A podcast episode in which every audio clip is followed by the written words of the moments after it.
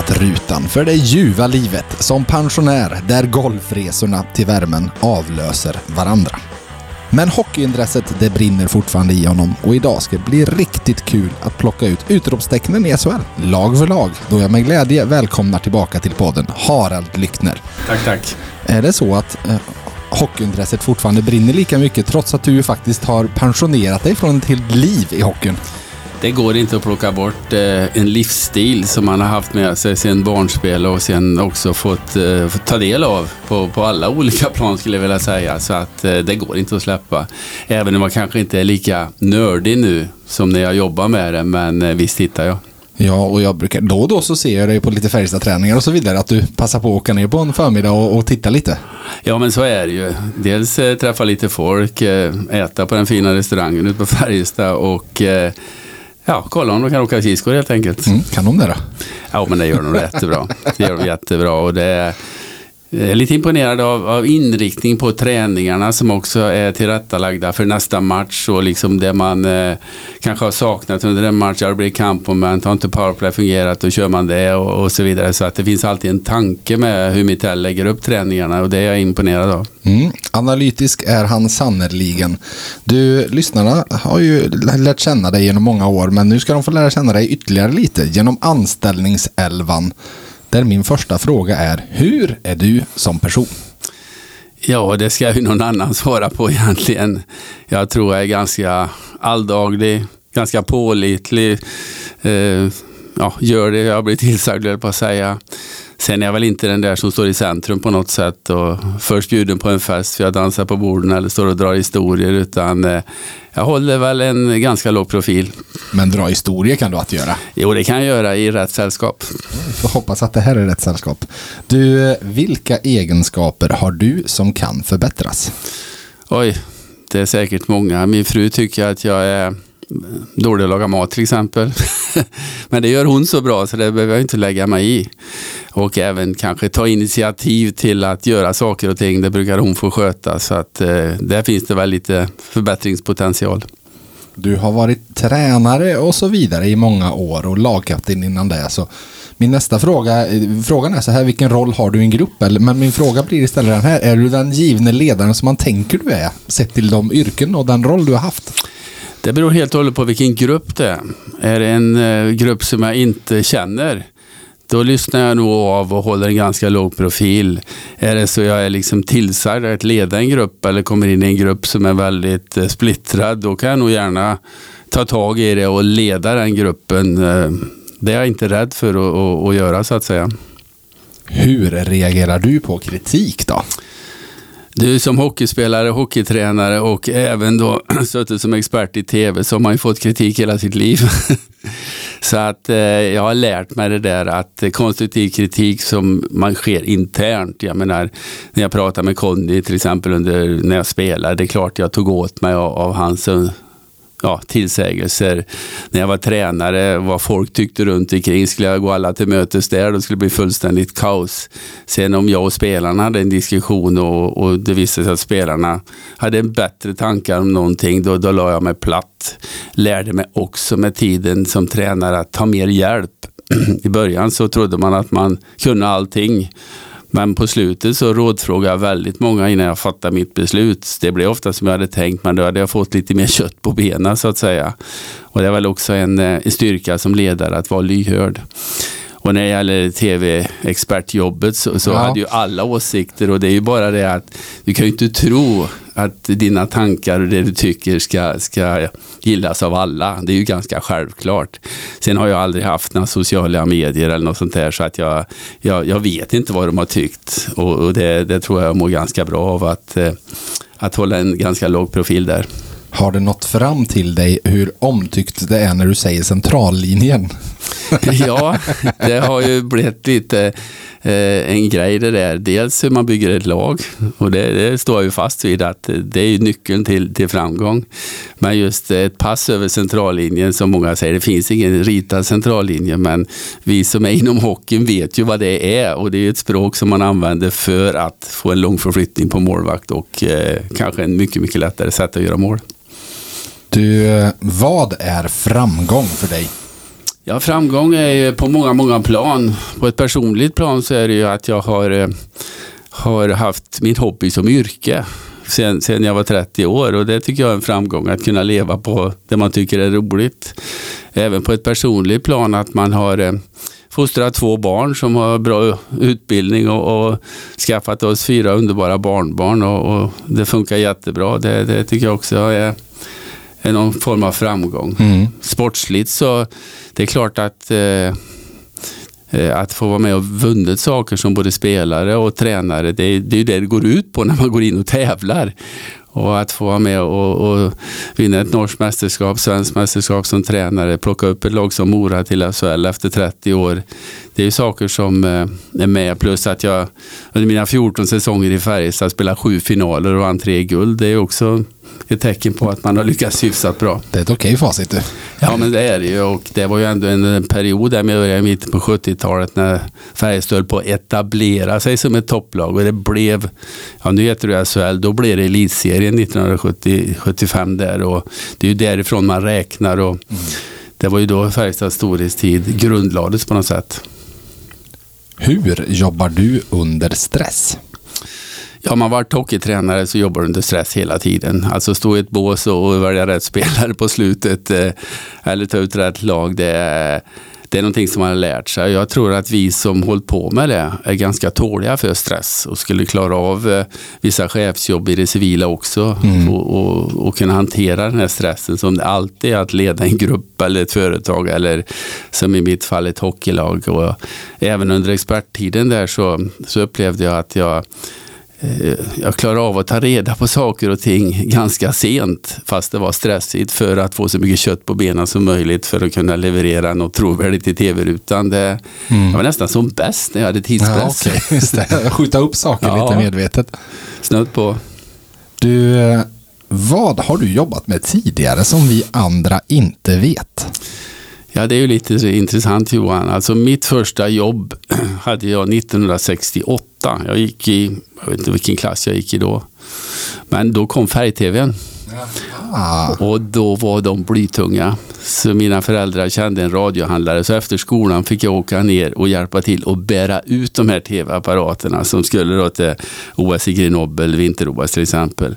Så jag bar tv-apparater i ena änden och hjälpte, inte till att installera dem, utan jag var bärare. Jag tjänade fem kronor i timmen på den tiden och, och gjorde det efter jobbet innan hockeyträningen. Efter det så under hela min eh, spelarkarriär jobbade jag på en konsultfirma, Byggrod AB i Karlstad och gjorde mängd och kostnadskalkyler på byggen. Jag räknade ut hur mycket betong eller virke det skulle åt för att bygga ja, ja. något hus. Och så, Vad hade du för någon utbildning i grunden? Ingen eller, alls. Nej, ingen alls jag, själv, jag blev självutbildad. Mm. Mm. Eller upp, lärlingsupplärd av dem typ? Jag frågade min chef många gånger, ska jag inte gå någon utbildning, spelar ingen roll, jag, jag får lära upp det ändå, sa han. Men jag hade ganska lätt för matte och eh, just att, att uh, ha ordning och reda på saker och ting. För då fanns det inga datorer utan man satt och, och räknade för hand med en linjal och ja, så skrev ja. upp och räknade skåp, räknade sockerlister, plastmattor, kakor, bla bla bla.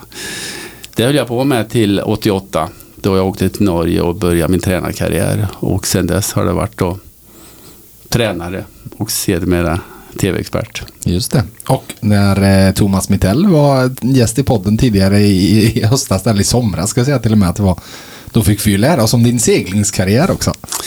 Ja, jag är ju, jag är född på Marstrand faktiskt och pappa seglar ju så det är ganska naturligt att jag började segla. Jag fick min första båt när jag var sex år, en optimistjolle och var ganska storvuxen så att eh, OK-jollen kom ganska tidigt in. Jag var bara 12-13 år och det var där jag nådde framgångarna med vann tre junior-SM där jag seglade EM, jag seglade VM och när jag flyttade till Karlstad 74 så seglade jag ändå ett VM, ett EM då i La Baule nere i Frankrike. Jag åkte direkt hit upp till Karlstad i augusti och, och installerade mig här, seglade VM i Helsingfors 75. Men 76 då, då fick jag faktiskt lägga ner den karriären för då, då ökade vi sommarträningen under Roland Collanders ledning här till flera gånger i veckan och då fick man göra ett val och det var ganska lätt.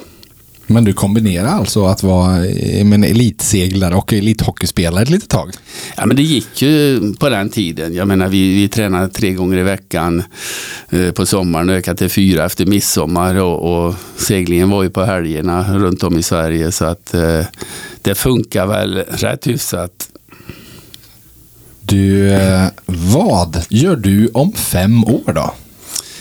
Ja, Johan, det är en ointressant fråga egentligen, för jag är pensionär idag och det är om fem år också. Så att eh, jag har ingen ambition att hitta ett jobb, utan jag försöker att och njuta av livet för tillfället och det tänker jag fortsätta med och hoppas att jag var frisk och kry så jag kan eh, göra det om fem år också. Nästa fråga är ju vad gör du på fritiden? Men du är ju pensionär så du har väl bara fritid? Jag har ju bara fritid, ja, och ibland nästan lite för mycket men eh, Ja, på sommaren gillar jag att spela golf, det, det, är ju helt klart. Och på vintern, alltså jag har barnbarn här, de sysslar med hockey, innebandy, fotboll, handboll, följa deras eh, ja, träningar ibland, men framförallt de här matcherna och se hur de utvecklas i mm. den här härliga kamratmiljön som, som idrotten ger. Jag tycker det är så fantastiskt att se hur de utvecklas som personer i grupp, hur de lär sig och eh, ta till sig ordning och reda, följa regler, ta hand om varandra, eh, passa tider och allt det här som idrotten är en, en fostrande grej för. Givna frågan såklart alltid när det är golffolk här, handikapp? Ja, det varierar ju. Eh, jag brukar pendla mellan 10 och 12. Just nu ligger det på 11. Ja, okay. Mm. Du, eh, vad har du för några löneanspråk då? Ja, du fick en kopp kaffe, duger ja, det? det duger väldigt gott. Jag har ju folkpension eller på att säga, så att det, det är så det fungerar. Men generellt sett så har jag nog varit en väldigt dålig förhandlare. Alltså under alla mina år i Färjestad så har jag aldrig haft ett skrivet kontrakt. Nej. Det har varit ett handslag och jag tror inte jag har eh, jag har bockat och tagit det jag har fått från jag flyttade hit 74 till jag lämnade år 2000 i princip. Även när du var anställd som tränare? Då? Ja, jag, jag, var ju anställd. Jag hade ingen kontrakt. Nej, just det. Utan jag var mm. anställd. Så efter mina fyra år som tränare där från 89 till 93 så gick jag in i en annan roll i Färjestad. Där jag skaffade hit ett hockeygymnasiet. Jag var med och, och fixade hockeyhögstadium på Ruds skola.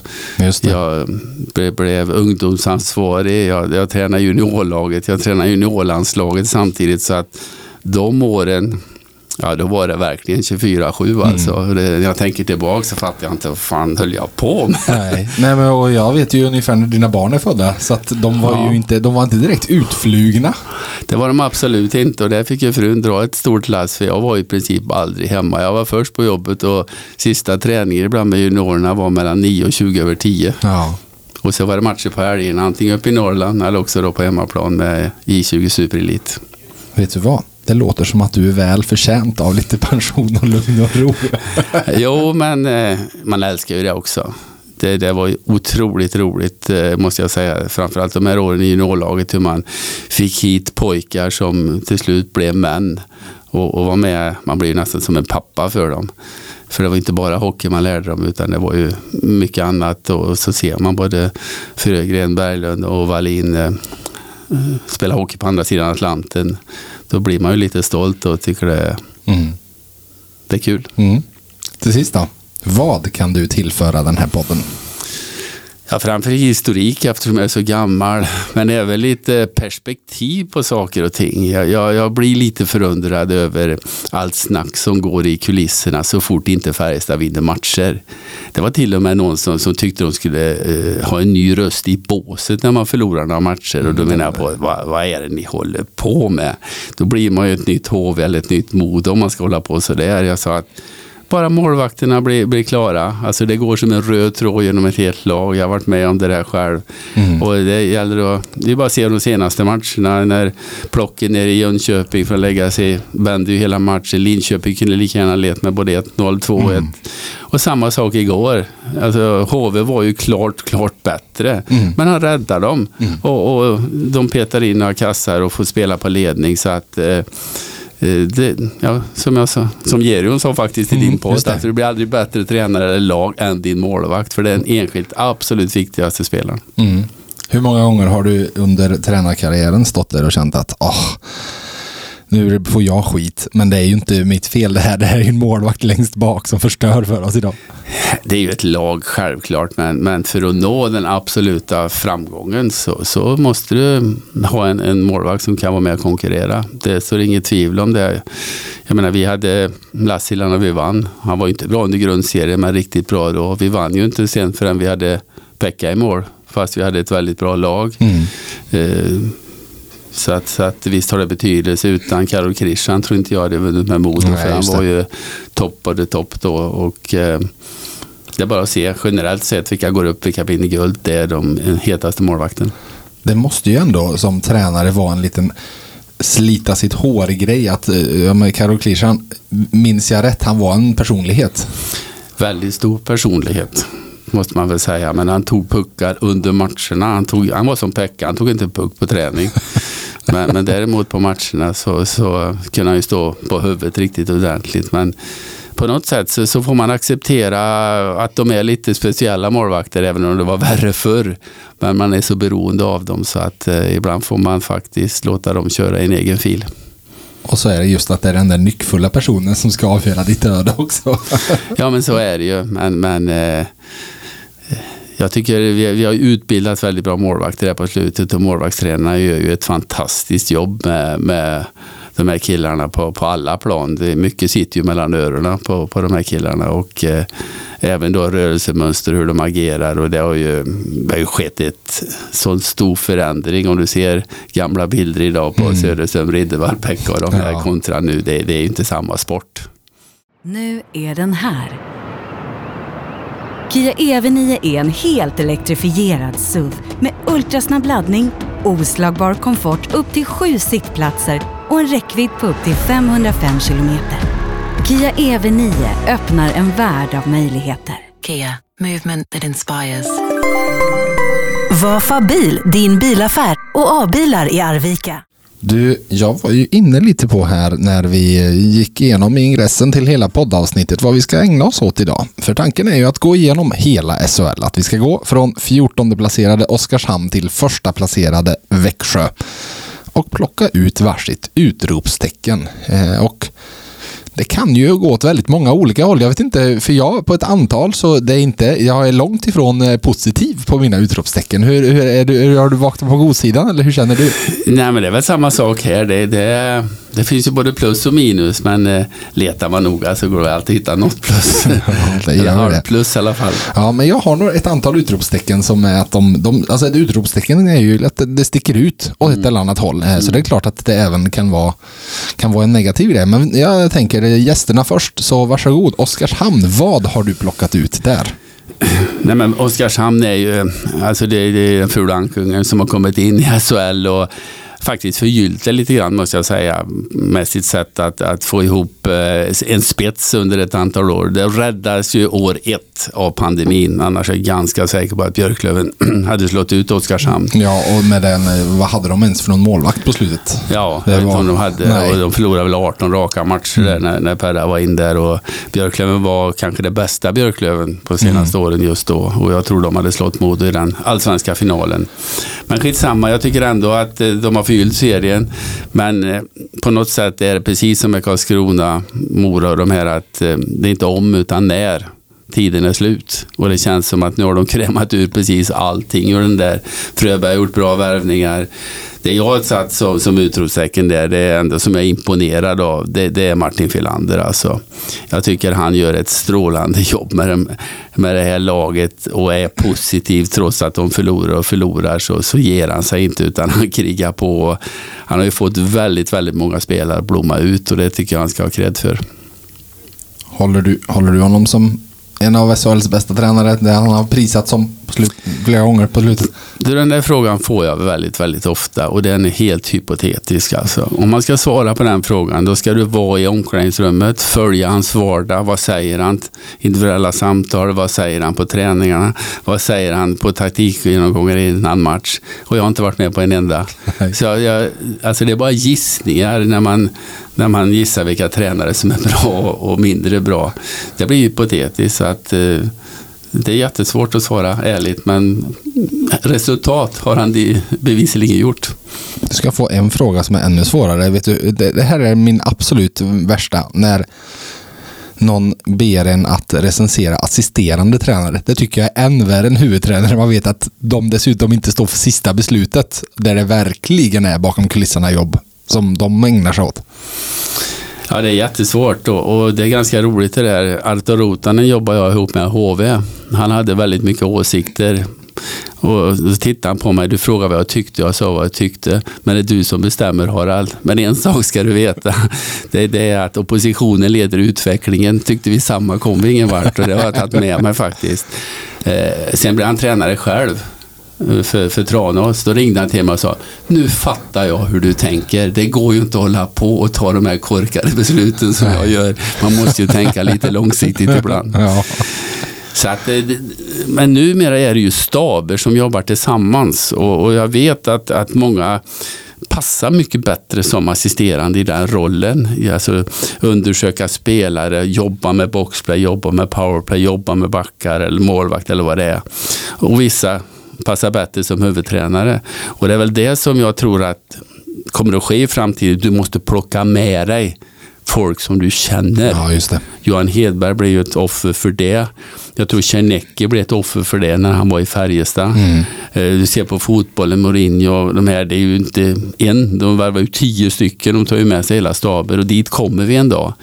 Och där är det jätteviktigt att ha assisterande som eh, som accepterar sin roll och inte vill ta över. Jag har jobbat med många genom åren och det har funkat jättebra för jag har velat ha en från orten som känner till stan, traditioner, kulturen. Och det, det har funkat jättebra under min tid och det tror jag Färjestad har hittat helt rätt just nu där, där Mitell delegerar mycket så man känner sig delaktig att få ta ansvar för vissa bitar. Då växer du som person och gör ett bättre jobb också. Mm. Det är väl så det har fungerat nere i Frölunda under många, många år också. Och det beror ju mycket på den som är chef så att säga. För som headcoach idag så är du ju lite chef över din stab. Det är alltid ett säkert kort att plocka från Mariestad, ja, såklart. Du, eh, du var inne på Thomas Mittell och eh, mitt eh, Oskarshamns utropstecken baseras lite på Thomas Mittell. För från just den där podden jag nämnde förut, när jag satt inför säsongen, så bad jag ju Thomas att plocka ut en femma med spelare från andra lag om man fick välja fritt. Han var där och fingrade på Patrik Karlqvist, men han sa något i stil med att han fiskar ju så jäkla mycket. Och Alltså, jag vet inte vad vi ska säga. Vi, nu ska vi prata lite plus minus, hörru. För det här sticker sannerligen ut. Tredje sämst plus minus i SHL, det har David Bernhardt uppe i Modo. Han, eh, fjärde sämst, det har Hynek och Horna i Oskarshamn. Där finns ett helt koppel som ligger ungefär. Men Bernhardt och Horna, tre och fyra, de har tillsammans minus 36. Patrik Karlqvist har minus 35 på egen hand. Vad är din första spontana känsla kring minus 35 på, jag tror det är 38 matcher? Ja, hela laget har ju minus 65. Man har släppt in 156 mål. Mm. Och det är klart, de spelar ju mycket de här killarna också, men eh, men som lag betraktat som, som försvarsspel och framförallt målvaktssidan har ju inte alls fungerat i Oskarshamn i Nej. år. Så att då blir det ju mycket minus. Och det har väl blivit så också att när man chansar och ska gå ikapp på slutet så får ju de här spela mycket och det är ibland öppen kassa och så vidare. Så att, eh, det är klart det är många sådana. Det är många sådana mm. ja. Men, men visst Patrik Karlqvist eh, har överraskat mig med sina skills alltså. Mm. Och, och får han rätt omgivning så har det bevisligen varit svårslagna och, och producerat och fällt många lag under de här senaste två säsongerna. Ja, eh, det blir spännande att se. Nu är han ju skadad, men eh, likväl så är ju faktiskt de här minus 35 man är på historiskt låga nivåer. Jag satt och bläddrade tillbaka i SHL-statistiken och Ja, minus 35 skulle vara ett nytt SHL-rekord faktiskt. Det, och då är det, det är många, liksom, de här man har tänkt senaste åren. Joel LeLegge var ju en sån där typisk att jo, han gjorde mycket poäng men han, hade, han var inne på så fruktansvärt mycket mål bakåt. Det sämsta jag har hittat, det var några som varit på minus 34. Kommer du ihåg Tommy Hämäläinen i Björklöven? Ja, nej, det kommer jag faktiskt inte ihåg honom, men vi, det var ju många, många år sedan vi hade ett lag som var ursäkta uttrycket, men så dåligt som Oskarshamn ja. alltså var så långt efter. Och på min tid så spelade vi ju inte 52 matcher Nej, utan vi spelade 36. Så att Ja. när Väsby var uppe en gång i tiden och vann en match på den här säsongen så var det ändå svårt att gå upp så Ja, mycket minus med tanke på att det var nästan hälften så, så många matcher. Så att, eh, visst är det speciellt och det är ett väldigt speciellt år för Oskarshamn. Är Ja, ja, men det är ju det. Eh, Och han, det här blev mitt eh, utropstecken just med tanke på att Alltså inför säsongen, fall man hade gjort en topp 10-lista på SHLs bästa spelare så tror jag ju väldigt många hade haft med Patrik Karlqvist som en av de tio främsta i SHL. Och då, så då sticker det ju ut att det, att det är de här nivåerna liksom. Ja.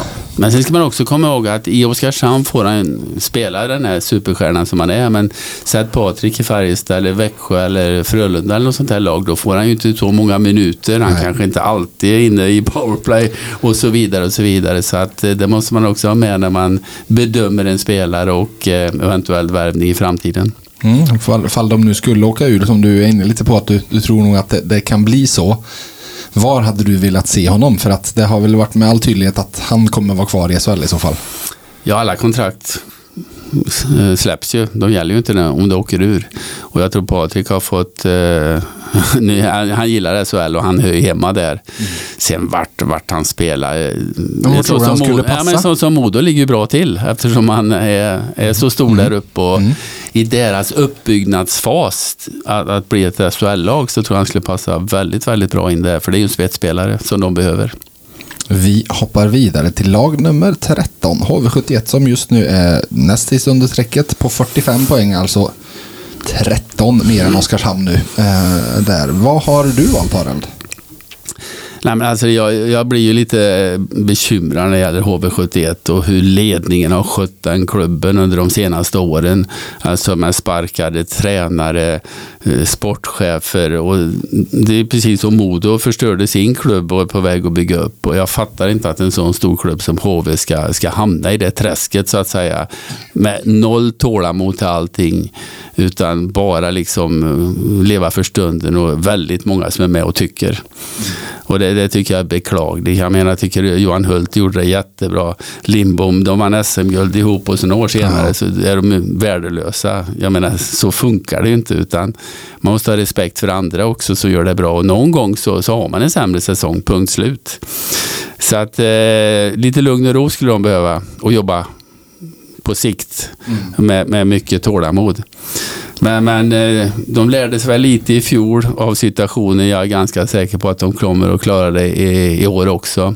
För det är ett lag som är mycket, mycket bättre än tabellplacering och det såg vi inte minst när de mötte Färjestad här. Där, där Färjestad var hade lite flyt kan man säga som vann. För HV var bättre men i slutändan så gäller det att göra mål. Det här med underliggande siffror och alltihopa det tycker jag är blaha blaha för det är vad som står på tavlan när det är slut som gäller och det är de poängen som delas ut. Men det, det har som, som utropstecken där, det, det är ju, jag, jag gillar unga spelare. Såg du han Fisker Möl- Möllgård igår, alltså den, var dragningen. snygg den.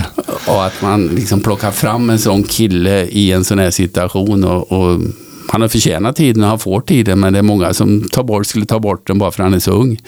Men, men det tycker jag är en färgklick och, och värt att köpa biljett för att titta på. Du, mitt utropstecken blir... Men jag ska börja ställa en fråga till dig. För du har jobbat med Allsvenskan, så då har du ju koll på Anton Blomqvist. Det känns som en... Han, varje gång han, jag sett honom bli intervjuad och så vidare, känns som en klipsk och smart typ. Har jag rätt i det? Ja, Anton har ju lärt sig det här att, att utnyttja media för att få ut ett budskap. Mm, det. det. det har han verkligen lärt sig. Och, och eh, kanske går lite till överdrift ibland. Men eh, det är en smart kille och, och en, en framtida SHL-tränare, absolut. Sen eh, går det ju rykten då att, att det är HV som som är på gång här. Man kanske är i en övergångsfas, precis som det var med Sam Hallan i, i Växjö. Mm. Och eh, nu har jag varit där några år och börjat få på lite kött på benen och det är inte den enklaste klubben att vara headcoach i. En Stockholmsklubb som AIK. Nej. Det vet ju Mitell om inte annat också, för han började också där och gjorde det fantastiskt bra. Men eh, jag tycker Anton har rätt ut eh, de här krångligheterna som han har ställts inför på ett bra sätt. Så att eh, han har fått skinn på näsan. Ja, och jag gillar ju och tror ju att det kan vara en ohyggligt smart rekrytering. Men jag höjer på ögonbrynen och sätter ett utropstecken. För som du säger att det är ju uppgifterna att han ska in i HV nästa år och för Lindbom har ju förlängt som huvudtränare men att Blomqvist ska in som assisterande med tanken att han då ska ta över. Och det, jag höjer på ögonbrynen i form av att, alltså för det låter ju som en toppenplan. Det går inte att klaga någonting där. Men sen så känner man ju, först och främst så är det ju alltid bräckligt med en sån plan och lägga den. För säg att det går så här dåligt nästa år också. Då ska man stå fast vid den och att den där assisterande som i ett lag som går dåligt plötsligt ska du göra honom till huvudtränare så börjar det gå bra nästa år. Man bygger något, då, då, då är det ju lätt att se den successionsordningen liksom. Men jag ser en bräcklighet i det. Och det här, jag har, det har den poängen har jag gjort flera gånger i podden det här att ta över i en klubb där den finns kvar. För att jag tror inte att Johan Lindbom kommer försvinna från klubben om, eh, om Anton Blomqvist blir huvudtränare om ett och ett halvt år. Utan då kommer det vara en Johan Lindbom kvar i klubben. Och du var inne på Johan Hedberg. Vi kan väl fråga honom hur bra val det är att gå till en klubb där det finns en person som har gjort det bra som tränare och du ska ta över. Det, mm, jag, jag vet inte jag. Nej, jag håller med dig och inte få ta med sin stab så att säga. Nej. Killar som du känner. Jag tror att Anton i år har väldigt stor nytta av Fredrik Stillman. Som har kommit in som assisterande. I, i, han har varit väldigt ensam tidigare Anton. Mm. Nu har han fått en trygg, kunnig person bredvid sig som, eh, det säger Anton också, har, hjälpt honom på ett jätte, jättebra sätt. Och inte bara hållit med utan eh, kommit med lite inflik hit och dit som har gjort att eh, framförallt försvarsspelet har blivit bättre. Det känns ju som att det är en match made in heaven att han borde kunna få med sig honom va? Du, Fredrik Stillman kommer aldrig tillbaka till HV, det kan jag lova dig. För Ja, okej. att han var den mest eftertraktade och mest viktigaste personen i Jönköping när Tommy Samuelsson var där. Sen att de sparkar bägge två, Mm. det kommer Stillman aldrig att glömma. Så att det här med HV, det finns inte på världskartan för andra mer. För så besviken som, som han var över tillbakagångssättet vid det tillfället, det, det smälter han inte. Då får de tänka nytt på igen. igen. Hej! Hjälp oss på VF att hitta Värmlands idrottshjärtan, hjältarna bakom kulisserna. Vem är din förenings dolda hjälte? Nominera via länken i avsnittsbeskrivningen. Vi hoppar vidare till lag nummer 12, vilket då är nykomlingen Modo som ligger där över strecket och de eh, har sina 50 poäng hittills. Vad har du valt som utropstecken i en klubb som jag förstår ligger dig varmt om hjärtat fortfarande va?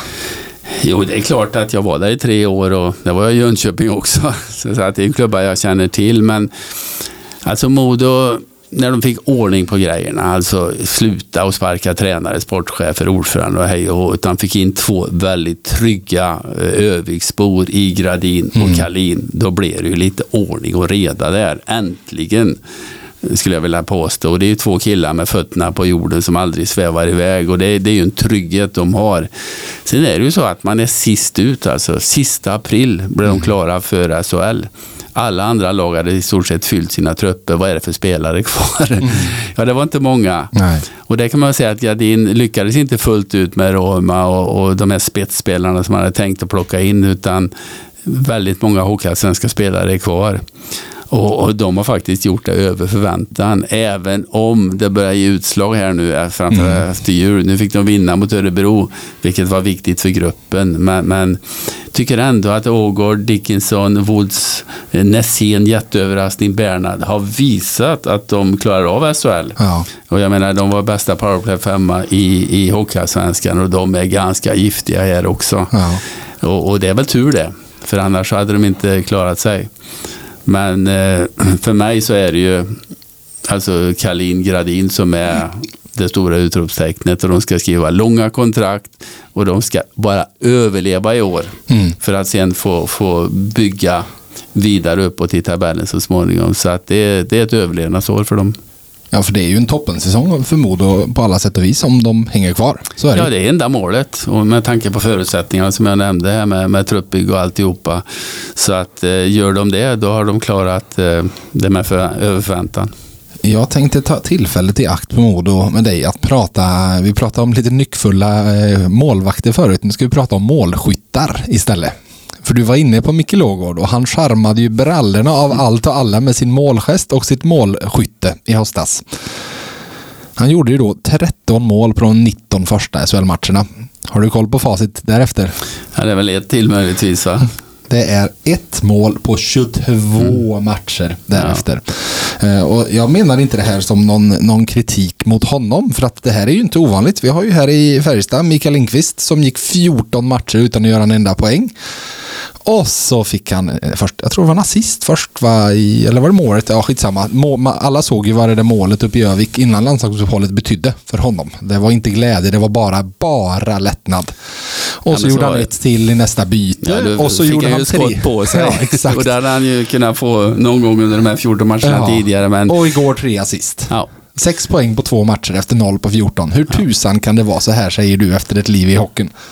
Ja du, om man kom på det skulle man få en doktorshatt. Men just i Modos fall och där så tror jag nyhetens behag, man går på rus i början. Man har sett många nykomlingar som, som man helst som, som ett tungt bra lag inte vill möta i premiären eller tidigt på säsongen utan så sent som möjligt när de åkt ruset av sig lite grann. Och det var väl ungefär det som, som hände med Modo att, att um, man, man sjönk ner lite grann. Och då är man beroende av både medspelare och framförallt det som sitter mellan öronen, självförtroende mm. och våga. Och jag gillar ju Ågård för att eh, just att bli så glad när man gör mål. Ja, det är ju det det går ut på allting. Ja, och det ska ja, man också visa. Och jag har ju lärt känna honom lite grann genom alla år här i Hockeyallsvenskan och det är en underbar person. Alltså glad, pigg, eh, eh nyfiken och alltid ställer upp på allting som man, som man vill som, som inom tv. Så det är jäkligt roligt att jobba med honom. Men eh, det är bara att hoppas för hans skull att det lossnar precis som för Lindqvist här nu och att han får bidra med det han är bra på till Modo i avslutningen. Vi hoppar vidare upp på plats nummer 11 i tabellen där ju Malmö ligger med sina 50 poäng, vilket ju är exakt samma poängantal som Modo. Så jag skulle säga att de ligger ju fem poäng före HV här efter HVs förlust och eh, ja, men Modo vann ju och Malmö förlorade visserligen, men det, det, det är marginalen ner till understrecket. Vad har du där? Ja, klubben med nio liv skulle jag vilja säga. De är som en katt. Det går inte att dränka dem. Nej. Eh, alltså det är ett lågbudget lag efter alla, alla år och det är ju konstigt med tanke på Malmö som stad, storlek på hall, eh, sponsormöjligheter och alltihopa. Men de har ju en fotbollsklubb i den här stan som mm. är ganska attraktiv och, och står betydligt högre i kurs. Eh, Hiljander valde ju en väg i år att satsa på spets och då blev ju truppen ganska tunn. Och de där tre finska förvärven de fick in visade sig vara riktigt bra. Men sen ja. är de skadade allihopa och då mm. har man inte så stor nytta av dem. Men jag måste ändå ge dem cred alltså, för jag tycker det är ett gäng grabbar som sluter sig samman och krigar oavsett hela tiden mot alla odds. Och överraskar emellanåt, åker upp till Luleå och vinner. Alltså skärper den ena efter den andra fast egentligen inte ska gå. Så det är väl mitt utropstecken där, alltså att de, de mot alla odds sluter sig samman och visar i fjol och de fick kvala att de klarar av den situationen. Mm. Och just då att de har varit i den här situationen år efter år efter år gör ju att de är ganska vana vid det. Och därför tror jag de kommer att klara det. Men eh, det måste ju hända någonting. Jag tänker, tänk om man hade haft Nubbens budget. Ja, precis. Va? Tänk om man hade haft Nubbens budget. Då hade ju de varit med och slåss om guldet. För ja. att eh, Eh, de, de utnyttjar ju pengarna på ett bra sätt. Och de här, vi känner ju till Olofsson, vi känner till Forsberg, de är fostrade här faktiskt. Mm. Och, och, de gnuggar på där nere år efter år och gör det väldigt, väldigt bra. Ja, du snor mitt utropstecken rakt framför näsan på mig. För jag tänkte prata om Johan Olofssons jämnhet. För att den, den är ju imponerande. Han gjorde 24 poäng första året i Malmö. Sen 19, 17, 16, 12, 15. Nu är han uppe på 15 och håller han det, nu är det lite matcher kvar så håller han snittet så landar han typ runt 19. Eh, och dessutom så är det ju en, det är ju en helt, alltså sett till den rollen han har, det är ju tredje fjärde kedjan mm. konstant. Liksom, mm. Och spelar väl i princip aldrig powerplay. Benen går i ett och har gjort så varenda år han har varit där. Så det är, han är ju liksom den här spelaren som och nu sa jag poängen, men han behöver ju inte bedömas på poängen bara, för han bidrar med så mycket annat också. Eh, jag har många gånger under de här åren när han haft lite utgående tänkt att man borde nästan komma hem någon gång. Liksom. Eh, men jag tror att där har nog, jag tror, skulle han hamnat i Färjestad då hade han behövt gå ner i lön. För att jag tror inte de hade varit beredda att betala riktigt så mycket. För framförallt har jag förstått som att Malmö ändå liksom, de uppskattar honom och ser honom för det han faktiskt bidrar. Så att men han ligger på, han ligger inte på någon hejdlös lön, men han ligger väl på en SHL-snittlön. Där jag tror att Färjestad har försökt att de så pass långt ner i laget ska ligga under snittlönen för att kunna lasta på framåt. Men äh, jämnheten personifierad får vi väl kalla Johan Olofsson, så sett. Ja, verkligen. Men även Forsberg där, han slog väl något rekord. För han 400 matcher i rad utan att vara skadad. Det. det. är mm. rätt imponerande. Och det är mm. precis samma spelartyp. Sen till fjärdekedjan, du vet vad du får varje dag. Mm och ovärderlig för ett lag att det, ha och framförallt acceptera den rollen. Och det kanske är där du säger katter med nio liv och så vidare. Här kanske vi har hittat en nyckel till det just att de Även om det har saknats spets och framförallt bredd på spets. Har väl i många år varit Malmös problem. Att, men att de ändå har en någon, lite samma som Karlskoga byggde ju mycket av sin mm, framgång mm, på det. Mm. Att du hade, det var inte de bästa spelarna som kanske var kvar utan de bytte ut spetsen där uppe. Men de som man lutade sig mot en bit ner, de var alltid kvar. Absolut, absolut. Och det, det, visar ju bara vad, vad, just den här gruppdynamiken och hur man tillsammans kan, kan göra bra saker om man tror på det och framförallt är beredd att kavla upp ärmarna och jobba. Du, på tal om skillnad på budget så kan vi väl säga att det skiljer tre poäng mellan Malmö och Rögle och det skiljer mer än tre miljoner i budget mellan de två lagen. Så mycket kan vi säga. Absolut, ja, och det är väl säsongens största frågetecken eh, tillsammans med Örebro. Alltså att man eh, får, får vattenskalle och, och, och ja, hantera det här på det sättet som man gjort. Alltså med, med ett bra lag där alla underpresterar. Och eh, vad roten till det är, det, det vet man ju inte. Men man kan ju undra om ledarskapet mm. funkar fullt ut, om man blir trött på det eller varför så många inte kan komma upp i den kapaciteten som de bevisligen besitter. Nej, för det har ju inte blivit något speciellt mycket bättre efter att Abbots försvann. Nej, hamnar du i den där spiralen så är det väldigt svårt att vända. Men, men eh, nej, jag, jag, tror att eh, Tambellini, jag tror redan han är i, Schweiz till exempel. Mm. Där, där finns de tankarna. Eh, Everberg var Då ska vi säga väldigt... att Tambellini faktiskt leder interna poängligan ja. trots allt. Ja, det säger väl det mesta. Ja, ja. Nej, det, det ska, måste få en spark i arslet och, och nytänk alltså. För eh, det har gått väldigt bra några år, men det, det är en sak och, som de gjorde, vann serien och vart i topp. Men var där över tid, mm. det krävs lite mer. Och, och, det har väl inte den klubben vuxit i den kostymen riktigt än. Nej, och det är väl den här klassiska att så länge det snurrar uppåt så är det väldigt lätt att få alla med sig. Men det behöver inte vara där uppe på toppen så länge för att det plötsligt ska bli förväntningarna runt om en klubb. Nej, precis. Och, och det går fortare att åka ner för än att bygga upp. Eller lättare, det går mycket snabbare att åka ner för det tar tid att bygga upp någonting. Men det jag har så, som utropstecken där, alltså det är ju den här fantastiska publiken de har att de i ur och skur även i, i motgång nu håller låda och ja. för sånt väsen hela tiden. Det är ju helt underbart. Mm, och det är, jag, jag fick ju vara där väldigt mycket, framförallt under slutspelet där för ett par år sedan. Och det är en riktigt fin arena att se på hockey nu sen, sen de lyfte taket. Och det, den är fortfarande extremt intim. Faktiskt. Den blir väldigt intim ja, i och med att det blir så kompakt. Det, det, man sitter så nära oavsett var du sitter och då blir det ett helt annat tryck i, i, i grejerna där. Det ser man ju på, på Hovet till exempel. Det är en gammal anrik hockeyarena, mm. liksom Scania-rinken i Södertälje. Ja. Däremot Skandinavien, det, det, det, det blir så långt och även Globen, det blir så högt. Det blir inte det här studsa ljudet tillbaka och, och det trycket på något sätt som man eh, älskar som, som eh, både spelare, ledare och även som åskådare. Mm, och Skandinavium kan du ju även addera att det är 78 meter från sargen till publiken på kortsidorna också. Det, det gör sitt till där. Det gör det absolut. Du, eh, ja, med Rögle så kände jag att, alltså det har, framförallt Simon Ryfors pratades det ju väldigt mycket om i höstas. Eh, om hans, det, det snackas väl om typ 3,50 i månaden och så vidare, att de betalade jättemycket på ett långt kontrakt och att han inte producerar och så vidare. Men jag tycker du var inne på det och det har prat, inte pratat så mycket om dem runt. Alltså att Daniel Saar 4 plus 2 på 32 matcher och Dennis Everberg 3 plus 5 på 29 matcher. Alltså bara de två på normal kapacitet så är ju Rögle tre, fyra placeringar högre i tabellen. Absolut, absolut. Och det är de som ska bära laget och det är de som ska göra poängen för de får mycket tid i powerplay och, och är tänkt som, som ledare i laget. Så att eh, visst är det så. Spännande måste jag säga att se hur man faktiskt går vidare framåt. För jag menar, nu spelar man ut kortet på att byta. Och det, det var ju en paketlösning. Tränare, tränare, sportchef ut. Och så ska Men man... det gick ju inte att behålla en Nej, av dem i det här man fallet. För det, ju, det var ju en unik läsning och de har gjort det väldigt bra. Ja, ja, ja. Men, men bevisligen så, så vart det vägs ände på något sätt. Ja, men, och hur man går vidare nu. För att jag menar, det är inget snack om att Daniel Saar och Dennis Everberg är liksom fem plus spelare i SHL. Det är ju absolut toppklass båda två. Och Saar är ju inte ens 30 år så att eh, även fast Everberg har haft sina skador, eh, även har ju också missat en del så det har väl funnits viss problematik där också men de är ju inte lastgamla.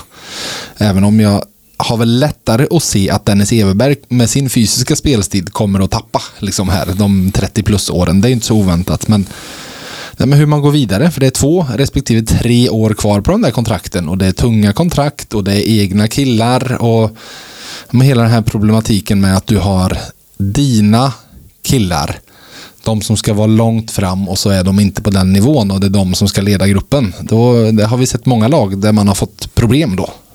Ja men så är det och just känslan som du säger, dina killar, de kommer därifrån och då, då är hjärtat mycket större för klubben på något sätt och du kan inte gömma dig. Så att jag är ganska säker på att eh, de rannsakar sig själva och, och kommer att göra allt som står i deras makt att, att komma upp på rätt nivå igen så snabbt som möjligt. Det är möjligt att de tänker för mycket, känner Ja. för eh, hårt tryck ja. och det är det som liksom tynger dem just nu istället för att bara släppa loss.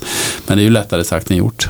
Ja, Rögle har lägst skottprocent i hela SHL eh, och eh, vi kan ju lätt säga att de inte haft marginalerna med sig så sett. Men eh, vi kan väl även säga att det är aningen ogreppbart att Rögle har gjort minst antal mål i SHL den här säsongen. Det hade man, det hade man jag har inte satt många kronor på inför säsongen.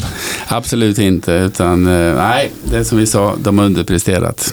På tal om att göra få mål då, för att vi har ju, det finns ganska många likheter med Rögle och Örebro, eh, som ju är nästa lag vi ska prata på om, på nionde plats. Exakt samma poängantal eh, och, och exakt nästan samma produktion framåt. Vad har du valt i Örebro att plocka fram? Nej, men alltså, det är ju en besvikelse Eh, rakt av eh, Örebro. Men på, på något sätt känner jag att de, de, de spände bågen lite för högt. Alltså. De, de skulle ta nästa steg, men Örebro har aldrig varit en etablerad klubb på den nivån. Och, och ledarteam och alltihopa har heller aldrig varit på, på den absoluta toppnivån dit de ville, men de hittade liksom inte vägen att ta sig dit. Eh, det vart ju fel från början. Hedberg ett möte för att komma in och jag tror att Johan Hedberg hade kunnat lyckas där med rätt förutsättningar för det är en superbra kille, omtyckt av spelare. Han har hur mycket skill som helst som tränare, varit med i många olika sammanhang och det såg vi vad han gjorde med Mora också. Så att det, det var absolut inte fel. Men, men han skulle få ett bättre stöttning runt omkring sig eh, med assisterande tränare. Och de tappar ju spetsen. Alltså, eh, spelare till Rögle, Leo Karlsson, proffs och, och det var någon back där, med nyckeln eller vad heter, som, som Ja, försvann. Näckeberg ja, nere i Davos. Och, eh, Linus Öberg var ju också trots allt Ja, spets i gick till Frölunda. Så, så att de hade lite för hög tro på, på, på laget helt enkelt. De var inte så bra som de trodde. Och det tror jag de fick bita sig lite grann där bak av och det får de lida för nu. Nu, nu gäller det att rädda det som räddas kan här och sen eh, läsa på lite grann vad som krävs för att eh, ta nästa steg. Men jag tycker ändå Lekimäki har jag som ett utropstecken. Komma från Hockeyallsvenskan och, och fortsatt kunna använda det här superläckra skottet alltså som han visade i junior-VM och han visade senast igår också när, när han gjorde deras enda mål här mot Modo. Men, men eh, nej, det är en färgklick. Mm, det är han. Det är ett mäktigt skott. Jag tänkte krypa till korset lite här. Ja, för att när jag och Johan Svensson för, vad är det nu då, fyra år sedan satt och plockade ut flippar och floppar bland SHLs värvningar innan vi hade sett dem en sekund i SHL. Det är alltid lika roligt att spå eh, och göra det här avsnittet. Då vet jag att jag var kritisk och ifrågasättande kring Örebros värvning av Robert Leino. Som jag inte trodde det minsta på. Och jag för de gav honom, och framförallt det tror jag jag lyfte, för de gav honom ett treårskontrakt direkt. Och jag tyckte att Ja, men varf, varför ger man en eh, import från Finland ett treårskontrakt när han aldrig har spelat i ligan? För det har vi sett många exempel. Vi har väl Tommy Tickan nere i HV som också sitter på treårskontrakt och aldrig hade gjort en minut i SHL och det kanske inte ser ut som det smartaste beslutet. Men det ska ju Örebro ha, att Robert Leino har varit en himla fin värvning. Eh, han är på väg nu mot sin tredje 30-poängssäsong av de fyra han har gjort eh, i Örebro. Eh, och ja, men det är ju en perfekt spelare att bygga på översikt, så smart där. Eh, sen så, mm, vi var inne på det, jag måste bara säga om Örebros offensiv. För jag satt och tittade på det här när, vi, när jag förberedde mig för det här avsnittet. Att det sticker ju verkligen ut. Det här med att de har gjort så få mål som i klass med, med Rögle. Och jag kan väl säga att, eh, nu hyllar jag Leino men han leder poängligan och det säger väl kanske också någonting. Ja, men de saknar ju spets. De saknar ju riktiga målgörare. Jag menar, Bromé ska väl vara den ledande spelaren där, men, men eh, sist jag såg dem så tror jag var nere i en tredje och körde och fick inte alls den istiden som han kanske hade förväntat sig och kanske har gjort sig förtjänt av. Läckemäki är ju en målskytt, men de har ju för få som liksom bär ansvaret eh, över tid. Mm. Och det är ju det som gör att de inte producerar. Vet du hur många mål de har gjort sedan Niklas Eriksson tog över? Nio matcher. Ja, de nollar väl rätt mycket i början där, så att eh, offensiven har ju definitivt inte blivit bättre. Nej, de har gjort nio mål på nio matcher sedan Mm. han tog över. Då vinner man inte. Nej, så vi kan väl faktiskt med det säga, jag, jag tror, om jag räknar rätt så har de tagit 10 poäng sedan han tog över och det är ju faktiskt riktigt bra utdelning på nio mål på nio matcher det. Ja, det är det. Ganska tråkigt dock att titta på. Väldigt. Du, eh, vad är din känsla kring Luleå då? Det som sen Bulan kom upp har sett som tråkhockeylaget i svensk hockey. Tycker du de är tråkiga? Nej, Nej, vi ska tråkiga. väl säga Växjö är väl också där och eh, tar, är bland, nämns bland tråkhockeylagen i svensk hockey. Ja, men det står inte i någon tabell. Det tråkigaste laget som har funnits, fast kanske varit de bästa spelarna, det var ju Djurgården runt eh, eh, 89, 90, 91 där de spelade Just det. 1-3-1-hockeyn. Alltså det, det var ju roligare att titta på färg som torkar nästan. men de vann tre SM-guld på raken och det var ju det publiken tyckte om. Ja. Men, men eh, man väljer ett system som man tror på och, och det handlar ju till slutändan om att, att vinna matcher och vinna SM-guld. Jag tycker inte det är så tråkigt där uppe ändå. Jag tycker Omark är en färgklick. Jag, jag, jag tycker, alltså Luleå har svårt att få till sig riktigt bra spelare på grund av att de ligger där de ligger. Utan genom åren så har de ju utvecklat väldigt många spelare som har varit utvecklingsbara och sen när de eh, blir landslagsmän då flyttar de söderut till andra klubbar. Det finns ju många exempel som helst på det. Så nu har de väl lite för tunn topp och eh, eh, det är väl det som gör att de, de svajar lite grann och ligger där nere på en åttonde plats. Men fortsatt defensiven grymt, släpper in nästan minst mål. De har alltså 87 procent i boxplay. Alltså det är ju hur imponerande som helst. Det finns ju lag som inte har det när de slår ihop på boxplay och powerplay ens. Så att eh, just det där eh, Släppt in 14 mål på 109 försök i boxplay. Ja, det är det, det är sjukt bra och det är det som kanske räddar dem. Att de ändå kan vara med och ganska jobbigt att spela mot dem när de kommer till slutspel. Jag tror inte många vill möta detta Luleå. De har lärt det- sin anti. Har hållit mest nollor totalt sett genom alla Ja, år i. SHL. Imponerande, även om han har mycket skadade i år. Ja, vi, nämnde ju Luleå och Växjö i samma andetag förut och Luleå verkar ju vara det lag som Växjö har svårast för i hela SHL det säger väl någonting liksom. Eh, du var inne på, på defensiven och den tänkte jag också vara inne på som mitt utropstecken. Först vill jag bara säga Isak Hedqvist. Eh, där har jag ett litet, eh, en eh, liten crush på honom som hockeyspelare. Varje gång jag har sett Luleå här så tycker jag han, alltså, han har stuckit ut. Bara 18 år dessutom, så där har de sannerligen en egen talang att vårda. Men jag vill sätta utropstecken på hur de byggt om sin backsida här. Och i Jesper Sellgren, Oskar Laxonen och kanske framförallt Marcus Hardegård. De där tre är 24, 25, 26 år. Och bör verkligen kunna vara någonting för Luleå att bygga på över tid. För Erik Gustafsson har förlängt med tre år men han ska vara 36, 37 och 38 år under de kontraktsåren. Så vi får väl tro att han kanske inte är förste back under de åren. Men eh, de har redan ja, men de har någonting att bygga på där på, på backsidan. Absolut, Erik har gjort det jätte, jättebra un- under lång tid här, men eh, han är ju på väg neråt. Det måste ju alla erkänna. Eh, Men eh, väldigt många som har spelat med han har ju då blivit NHL-spelare. Ja. För han har varit med och fostrat dem och det ska han ha allt cred och betytt som lagkapten mycket, mycket för Luleå. Det är ingen snack om saken. En, en, en kille som ska äras.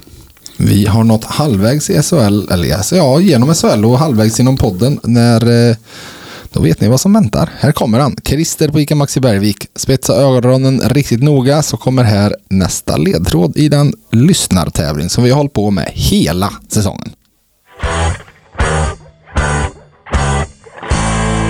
Hej! Christer med personal här. Vi på Maxi Kasta älskar hockey.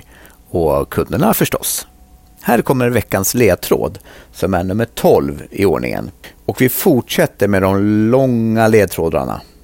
Personen vi söker har haft kung Sune som tränare i två olika klubbar. Gunnar Johansson och Peter Nordström är andra tränare som coachat honom. Lycka till med veckans ledtråd så hörs vi i nästa avsnitt av VF Hockey. Googla lugnt.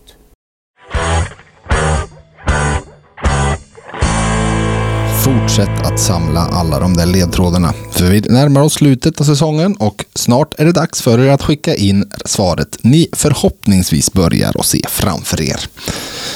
Kunderna på Bergvik och hockey, två saker som Christer verkligen älskar. Men Ayabaya Cancer finns där också, där han som ambassadör jobbar hårt för den föreningen som ju jobbar med att stötta de som har drabbats av just cancer. Christer, han skänker därför 500 kronor i ditt namn Harald till Ajabaja Cancer och precis som alla övriga gäster så får du möjligheten att välja en välgörenhetsorganisation som skänks en lika stor summa till. Så vad har du valt där? Nej, men jag ligger kvar vid det som har berört hela Hockey-Sverige senaste året här och det är Börje Salming-stiftelsen för, för ALS som eh, måste bli bättre. Dels att hitta ett botemedel men även en hjälp till anhöriga att, att leva med närstående med den hemska sjukdomen. Jätte, jättebra val. Vi går framåt till sjunde placerade Timrå IK. Vi ska ju säga det, nu, nu sa vi inte det, jag vet inte om jag sa poängantalet på Luleå, men poängantalet på Luleå är ju 66 poäng, så att de är ju 13 poäng före Örebro. Så vi kan väl säga i år hade det varit ett sånt där lag, år där det har varit rimligt att topp 8 har gått i slutspel, för att det skiljer väldigt mycket mellan 8 och 9. Men vi har Timrå som sjua, så vad väljer du där? Ja, men först måste jag kommentera det du sa. Alltså jag fattar inte det här med tio lag till slutspel. Jag tycker det är så eh, patetiskt. Alltså låt dem packa ihop och förbereda sig för nästa säsong. För att eh, åtta lag till slutspel. Alltså det är inga pengar du tjänar heller. Om du, om du kommer där, äter upp eh, bortamatcherna. Publiken är inte intresserad av den här matchen för att förlorar man vill man inte se det. Vinner man så kommer det roligare matcher ja. sen. Så jag förstår inte varför SHL och Hockeyallsvenskan ska hålla på med det här att tio lag ska spela slutspel. För kommer du tia, då är du inte värd att vinna några SM-guld. Nej, och min eh, käpphäst med det där är ju att det är bästa av tre matcher också. Att jag skulle bli vansinnig som sjätteplacerat lag om jag åker ut mot tian för bästa av tre matcher kan du ju förlora mot vilket lag som helst. Absolut, och speciellt som det har varit, jag vet inte hur det är SHL, jag kommer inte ihåg det, men eh, det sämst placerade får börja hemma. Ja, nu ja, så var det Hockeyallsvenskan, ja. för sen går de två nästa mm. matcherna på... Där är det mer mm. reskostnader ja. att göra. Och förlorar du första, då måste du vinna två raka. Mm. Och det är inte helt lätt. Nej, det har, ja, precis. Så, det har varit så. Jag minns inte om de har ändrat till i år, eller om det ligger kvar på samma. Men ja, nej, jag håller med dig. Eh, men Timrå då? Vad eh, har du valt ut för någonting där? Nej, men alltså Timrå, det är tredje säsongen i SHL här nu och de, de måste ju byggas upp sig och etablera sig på SHL-nivå. Det tar tid, det måste man ha respekt och förstå. Ja. De har ju haft lite tur med många hemvändare. Mm. Så, som håller väldigt, väldigt hög klass. Men laget är ju otroligt framtungt alltså. Det, backsidan, försvarssidan är ju inte riktigt i den klass som kanske krävs för att vara högre upp. Så att det gäller att, att rädda det som räddas kan. Men eh, har lite, en hel del hockeyallsvenska spelare kvar. Men, men eh, så mitt stora utropstecken där, det är ju klubbkänslan som Jonathan Dahlén har. Och att han älskar den där klubben och att han nu redan, vad är han, eventuellt 25-26 år, 26 år. Ja, har slått målrekord i klubben. Det är ju fantastiskt. Och, och, det är ju en väldigt, väldigt härlig kille också som har varit borta på två utflykter. Var med och spelade upp dem två gånger och försvann. Nu är han mm. där och spelar SHL-hockey. Och, eh, Ja, det, det, det är en eh, riktig timroit alltså. Du, det är det. Eh, jag tänkte faktiskt, jag håller ju med dig, det är ju lätt, eh, men jag är nyfiken på vad Kemi Kapanen kommer göra med det här lagbygget. För att som du säger, de har ju de där hemvändarna. Och det är ju en grundplåt som varenda sportchef liksom i det där läget i en klubb som vill etablera sig eh, skulle drömma om att ha. För det är ju, ja, men, Modo hade ju bytt det alla dagar i veckan, eller Malmö och så vidare. Eh, men det är ju spännande att se vad han gör för att det känns ju som att en väldigt stor del av det som är Timrås budget idag är fastlåst i de där killarna. Så att det finns inte världens största manöverutrymme för honom. Eh, ehm, hur, han ska krydda det så att de inte ja, men om, om inte minst vara kvar på den här nivån och så vidare. Men jag eh, värvar, eller väljer ändå att plocka ut en back som eh, utropstecknet eh, i Timrå. För nog måste det smärta lite faktiskt i det Örebro vi pratade om förut att se vad Simon Forsmark gör uppe, uppe i Medelpad. Uh, alltså, han är inte från Örebro men han är från Kumla så att vi kan väl kalla honom och liksom hela, helt egenfostrad där sen. Genom hockeygym och hela vägen. Och sen fanns det ingen plats åt honom och Timrå plockade väl nästan in honom på vinst och förlust. Och direkt i ny miljö så visade han att det fanns en riktigt fin SHL-back i det där. Eh, och varje gång jag har sett Färjestad möta Timrå den här säsongen så har Simon Forsmark stuckit ut eh, i mina ögon. Jag har liksom sett grejer som oj, men han är riktigt duktig. Och jag menar 5 plus 12 på 42 matcher. Som 20-21-årig back. Det är ju en fin produktion dessutom. Så där har de väl någonting att bygga på i alla fall. Absolut, absolut. Men en annan intressant grej också, Johan, det, det är ju liksom tränarbytet här. Alltså det känns ju som en ganska familjeklubb här med, med en viss stämning i omklädningsrum och sätt att leda lag med Ja. Fredrik Andersson, med, med eh, vad heter han nu då? Med Ante Karlsson. Ja, Ja. Ante som jag känner så väl. Och så kommer Jokinen in. Alltså det kan ju bli fullständigt eh, omvälvande för spelarna hur, hur ledarskapet kommer att bli. Eh, och jag, med all respekt alltså, men väldigt många som har varit i NHL som kommer till SHL Ja. har det inte fungerat Nej. för. Så, att- så att det ska bli väldigt spännande att se om det nu blir som alla tror och, och tänker. Hur spelarna kommer att reagera, hur laget, hur klubben.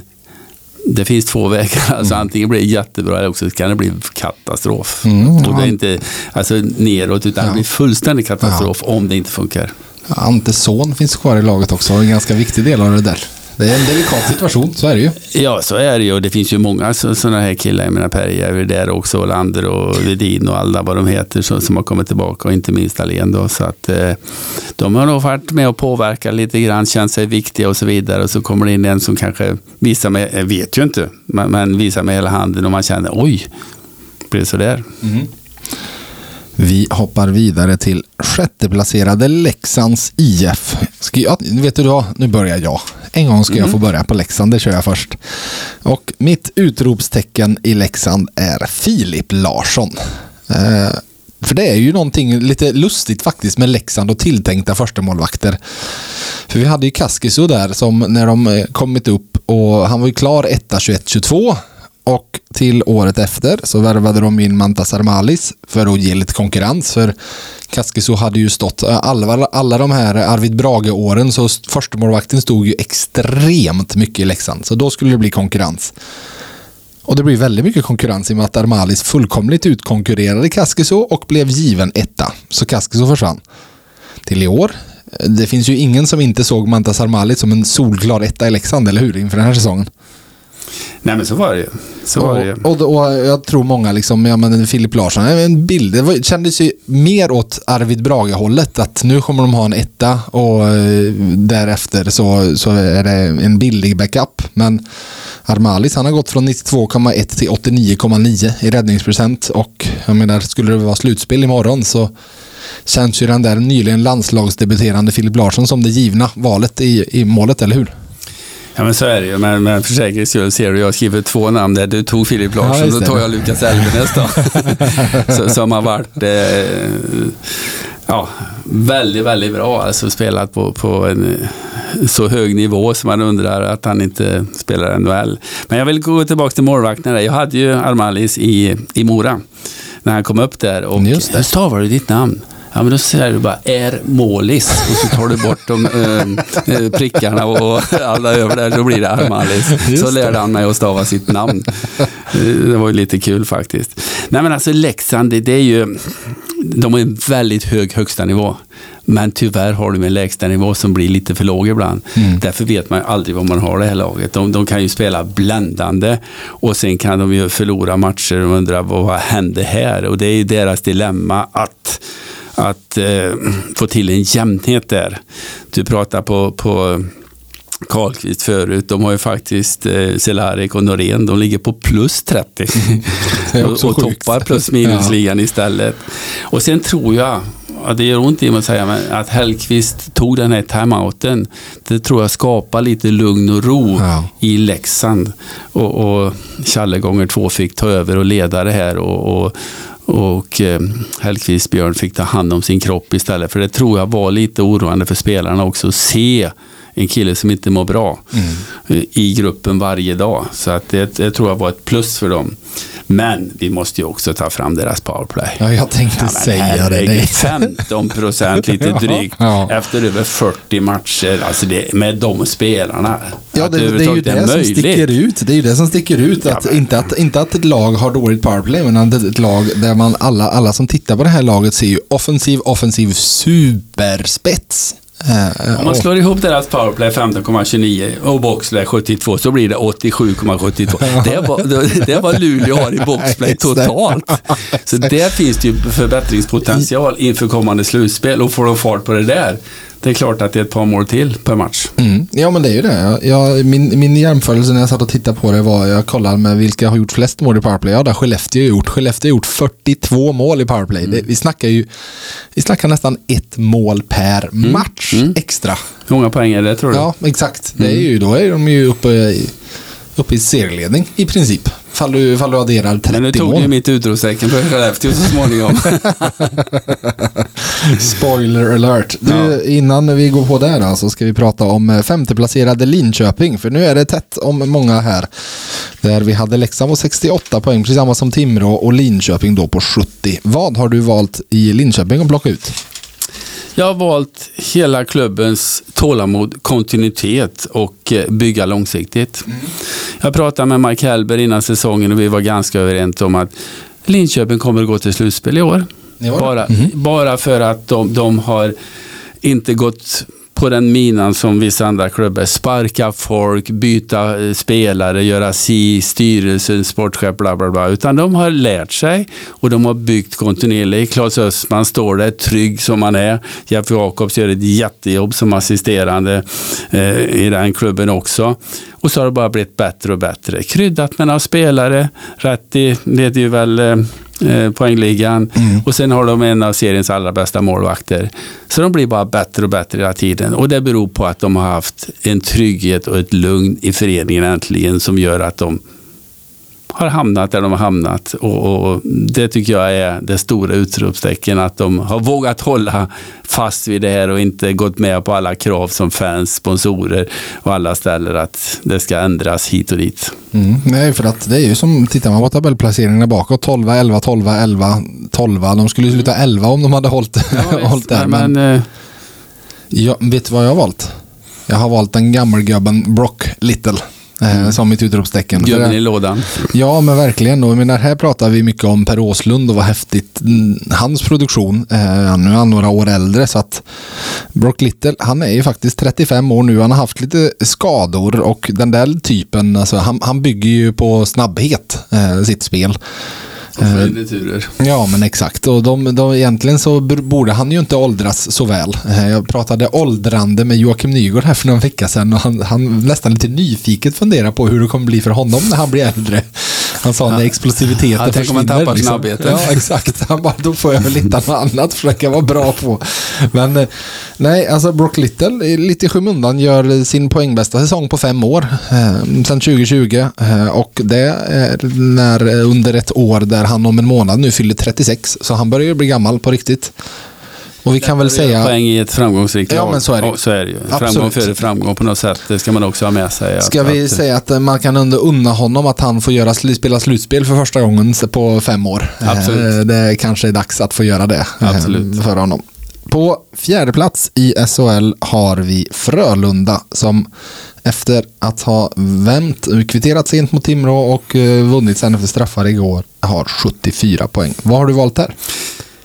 Nej, men jag är lite överraskad att man faktiskt är med i toppen så här högt upp. Eh, och det beror ju på den kontinuitet de har haft från ordförande Grauer ner till, till eh, hela tränarstaben och alltihopa. Eh, de gjorde ju en väldig föryngring inför den här säsongen när de tog bort den kanske största ledaren vi har haft, då, Joel Lundqvist eh, eh, och, och, många och andra Ryan spelare. Lash kan vi ju också Ja. addera där. Som, Ja, Lou Eriksson fick inte vara kvar heller och, och så vidare. Och så vidare.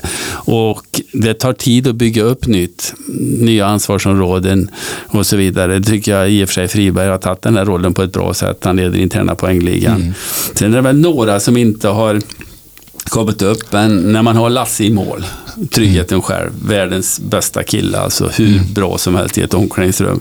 Man har Folin Tummenäs där på backen och Friberg Strömvall och så vidare, några som ska dra laget och de måste göra det, för de yngre killarna är lite mycket upp och ner. Därför är jag överraskad att man trots att de inte är så breda, ändå är med där uppe. Det trodde jag faktiskt inte på förhand, men det gör ledarstaben det är riktigt, riktigt bra. Jag tänkte lyfta upp ett utropstecken i Frölunda som jag, eh, en liten anledning till det. Eh, och vi kan väl börja, du har ju jobbat med Hockeyallsvenskan i väldigt många år. Och vi kan väl säga så här då. Hur högt skulle du säga att Vita Hästen valde i rangordningen i Hockeyallsvenskan när du skulle värva spelare? De fick ta de spelarna som inte fick någon annan klubb. så, så var det ju. Och då kan jag väl säga att en spelare som då har gjort fem år i rad i Vita Hästen, då har man inte varit sär- särskilt attraktiv bland de andra hockeyallsvenska klubbarna. Jag tänker på Borg. Ja, Ja. ja. men jag höjde på ögonbrynen rejält i Ja. fjol när Frölunda plockade in honom och tänkte att ja, okej, nu är det det säger en del om att det inte fanns någonting att värva, vilket det väl inte gjorde totalt sett. Eh, Men jag kände också att och det är verkligen bara den här, han är härifrån, vi chansar på honom. Men herregud, han har ju visat sig vara en fullt duglig SHL-spelare eh, för Frölunda eh, sen han kom. Och alltså att man kan eh, Ja, men det, det blir ett underbetyg för alla andra hockeyallsvenska klubbar. Att de inte plockade honom. För återigen, eh, från Vita Hästen kan man i toppen av hockeyallsvenskan alltid plocka. Ja, bra scouting. Ja. Riktigt bra scouting. Och det beror ju på lite vilken roll man ska ha också. Det ska ju alla och kompani ha, ha cred för er, tycker jag. Tornberg, han stod väl inte högst på någons lista i, i, Nej. i Hockeyallsvenskan. Westfält stod väl inte speciellt högt upp heller där i Västervik som han höll på att husera i botten. Så, så att i rätt omgivning, och det är ju det här när man lägger ett pussel också som är så viktigt alltså att vilken roll ska han ha hos oss? Han kan ju inte spela powerplay eller i första andra kedjan. Då kan man ju inte värva kanske poängkungen i Hockeyallsvenskan för han är värdelös i en fjärde kedja i SHL. Så, så att det måste man ju verkligen tänka till när man fyller på med spelare och det, det har Frölunda gjort bra här. Du, när vi då har hockeyallsvenska Harald här så måste vi då fråga om Emil Alba. Som eh, enligt uppgifter ska till Färjestad nästa säsong. Vad, vad är din, eh, dina tankar kring honom och värvningen av honom? Nej men alltså det tror jag de har tänkt till. Han är ju inte tänkt för de två första kedjorna utan det, det är ju en fjärdelinespelare. Och eh, han kommer fram i Modo där, har väl en pappa som har spelat hockey på ganska hög nivå också. Eh, jag tycker han har vuxit som, som spelare genom alla år och, och den rollen han har i Södertälje eh, har han ju tagit med bravur. Det, det är ingen finlirare på något sätt utan det är en hårt arbetande spelare som inte är rädd att stå framför mål eller eh, ta stryk utan eh, han, han spelar för laget i alla lägen och gör det väldigt, väldigt bra. Så att eh, tanken tror jag, om det nu är så att han ska hit, det är ju en fjärdelina. Det tror jag han kommer att klara sig bra. Du, innan vi går vidare till Skellefteå som en tredje laget där du nu måste hitta ett nytt utropstecken i all hast. så måste jag bara, du, när jag satt och kollade på Frölunda, Max Lindroth lämnar ju dem här. Och jag har de senaste åren reagerat på hur, hur är det egentligen med finska liga? Vilken klass håller den verkligen? Vet du hur många poäng Max Lindroth har gjort efter fyra matcher i liga? Jag har ingen aning, för jag följer ju inte den ligan. Åtta poäng. ja. Mm. Eh, Och vi har även, vi skrev här om Lukas Nordsäter som snitt eh, har typ gjort 14 poäng på 20 matcher. Efter, ja, men det har blivit väldigt många sådana här som man känner kämpar för att, eh, ja men på gränsen i SHL som sticker till Finland och gör väldigt mycket. Så jag undrar jag hur, hur, ja, men hur klassen på den ligan faktiskt är nu för tiden. De har utökat antal lag. Och jag, vi ser ju Ottosson och de här som spelar i Vasa och Koko och överallt. Henrik Eriksson var ju där och gjorde massa poäng som han aldrig gjorde i Sverige. Nu är han tillbaka i Mora. Eh, så, så att eh, helt klart så är det ju inte Alltså bredden är ju inte lika stark som den är i Sverige. Det, det är ju svart på vitt. Sen att topplagen och Ilves och Tappara mm. de är, är riktigt, riktigt bra. Eh, men nej, det, det, är väl en väg att kanske gå för många och komma tillbaka till Sverige eller något annat land i en högre liga. Vi hade väl spelare som gick dit och sen hamnade i Ryssland på den gamla goda tiden. Just det. På grund av att eh, CVt var bra med antal poäng. Exakt, exakt. Du, Skellefteå då, har du någonting? Jag, jag vågar ju inte säga någonting mer här nu för då är jag rädd att du inte har någonting att prata om på Skellefteå, så varsågod. Man brukar prata om 80% i, i powerplay och 20% i boxplay. Det, det är okej. Okay. De har alltså, om du lägger ihop de här två, ska man ligga på 100. De har 121. Det, det är ju helt suveränt. Ja. Men jag, jag, jag, när jag sitter hemma och tittar på TV så, så väljer jag väldigt ofta Skellefteås matcher faktiskt. Mm. Jag tycker de spelar en väldigt, väldigt rolig hockey. Eh, har gjort genom alla år. Dels eh, stabiliteten i föreningen. De har en bra centrallinje i, i Lindberg, Lindholm, Jonathan Jonsson. Alltså vilka centra de har. Eh, de är inte rädda för att plocka upp Uh, unga killar. Du har Sandin Pellika till exempel. De har fler juniorbackar som har gjort det jättebra. De utvecklar hockeyallsvenska spelare på ett uh, rätt bra sätt. Max Lindholm trodde jag inte skulle lyckas där. Vi kommer ihåg eh, Lukas, Lukas Karlsson från, från eh, från Karlskoga som gick dit och blev proffs ja, på ett år. Linus. Linus Karlsson mm, han, ja. mm. så, så, att de är väldigt breda med både topp och spets. Alltså. Sen har de ju de här X-faktorerna i, i Puras till exempel som, som är en back som kan vara med och avgöra matcher framåt också. Eh, Pelika har väl gjort mest mål av alla i, i, i powerplay. Ja, Åslund är före honom ja, men eh, han, han har inte spelat ja. så mycket nu Pelika på slutet. Han var skadad efter junior-VM.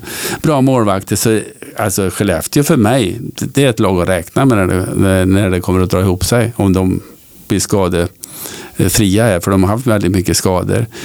Och, och målvaktssidan där med Söderström och, och Lindvall är ju också starka. Så att eh, du sa powerplay, då säger jag special teams totalt då. Ja, bra där, bra där. Ja, du var inne lite på en sak jag fingrade lite på. Eh, för jag kunde ha valt Anton Heikkinen för att eh, han är ju årets mm. version av Max Lindholm och Linus Karlsson ja. och så vidare. Och där är de ju bäst i klassen. Eh, Skellefteå på att värva allsvenska killar som växer ett första år och sen blir bara bättre och mm. bättre. Um, och, så där, där ska de ha beröm.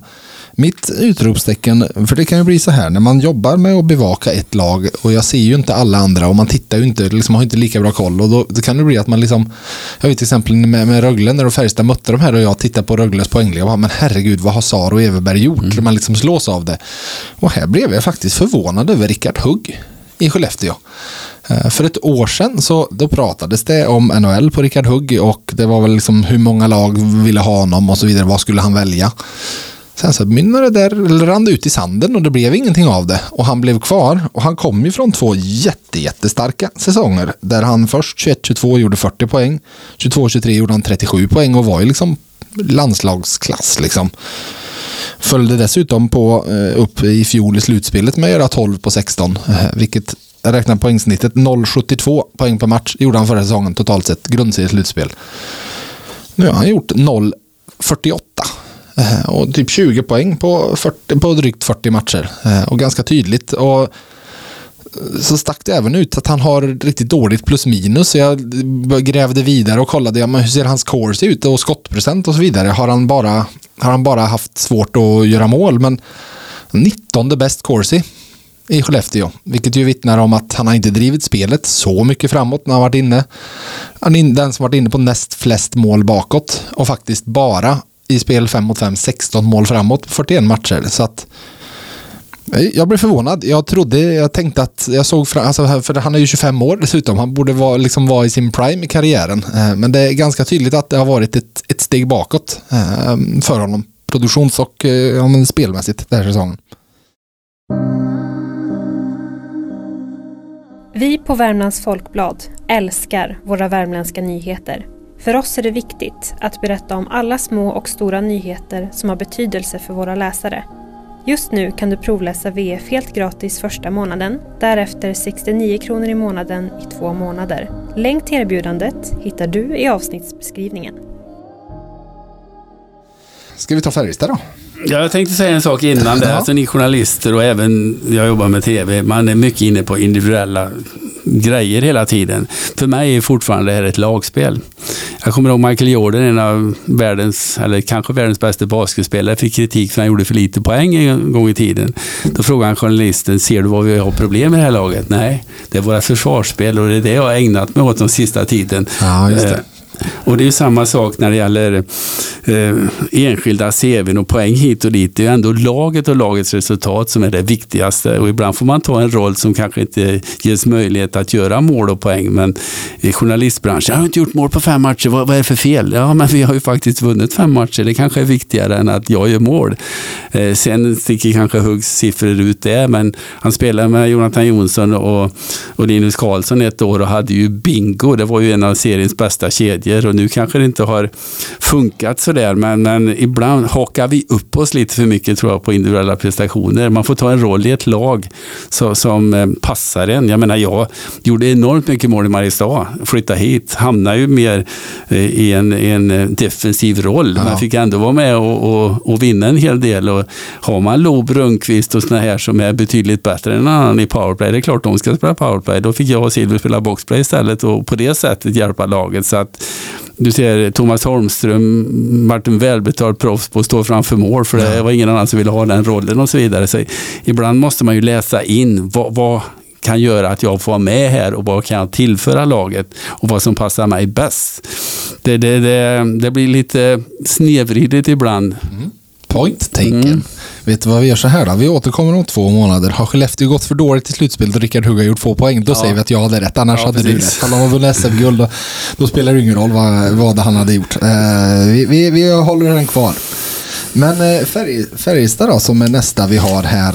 Eh, ska jag ta och börja Mm. på Färjestad så det var ju, eh, det här satt jag och funderade igår innan matchen på vad jag skulle prata om eh, och jag, eh, det, det var ju passande för sett till vad som hände sen för jag tänkte prata om Victor Ejdsells powerplay-facit faktiskt.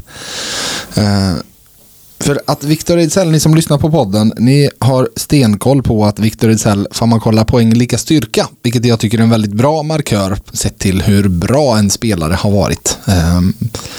Just det här vi var inne på med kalkus och så vidare. Alla kan stå, har du en stor roll i PP så får du en del poäng gratis. Gör du väldigt många poäng i lika styrka, då säger det ganska mycket om din prestation. Och eh, ser man till de senaste fem åren så är han faktiskt ganska överlägsen i SHL, Victor Ejdsell. 125 poäng i lika styrka, det är 25 fler än tvåan. Nu ska vi säga att då är det ju inte jättemånga som har spelat alla de här åren. Det, är ju, man, det faller ju bort många eh, så sett. Till exempel tror jag Oskar Möller var tvåa, han spelar ju inte i år eh, så sett. Men även ser man eh, ser de eh, senaste fyra åren så är han även där etta. Men det är ju det här med Victor Rizella. Trots att han har varit så produktiv och haft en viktig roll så har han haft förtvivlat svårt, svårt att ta, framförallt ta sig in i första PP.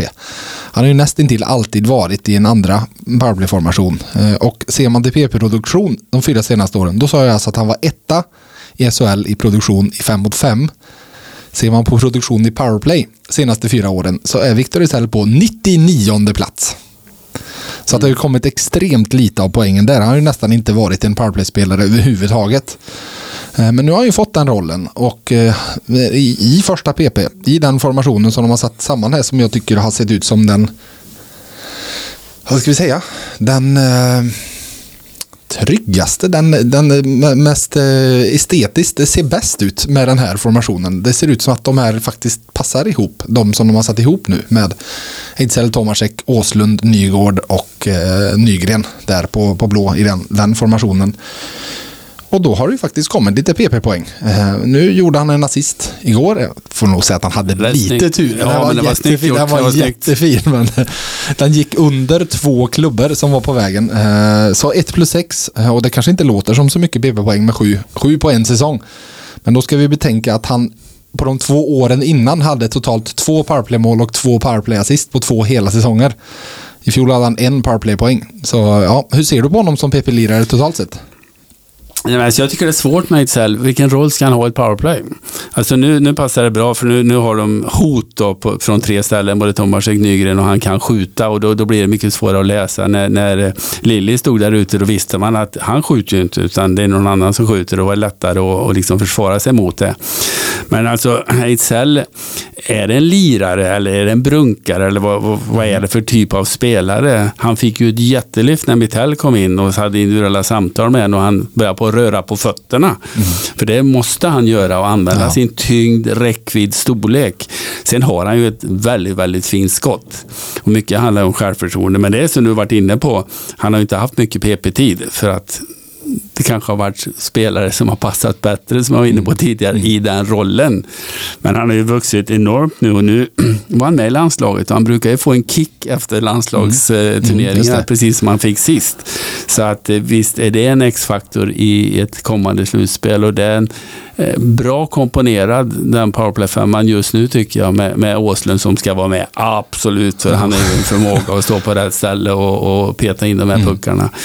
Och, och ehm, Nygårds fart tillför mycket också. Jag tror att Nygård är väldigt, ja, han är väldigt viktig i den formationen ja. i att få in pucken i zon också. Ja, även rörlig, ja. spelbar i trängda lägen, att, att kunna avlasta och, och, hålla pucken kvar i zon. Mm. Vad har du valt för något utropstecken på Färjestad då? Nej, men alltså, Färjestad är ju naturligtvis det lag som man följer mest och ligger närmast hjärtat, så man har ju lite idéer och tankar runt det där ja. laget, självklart.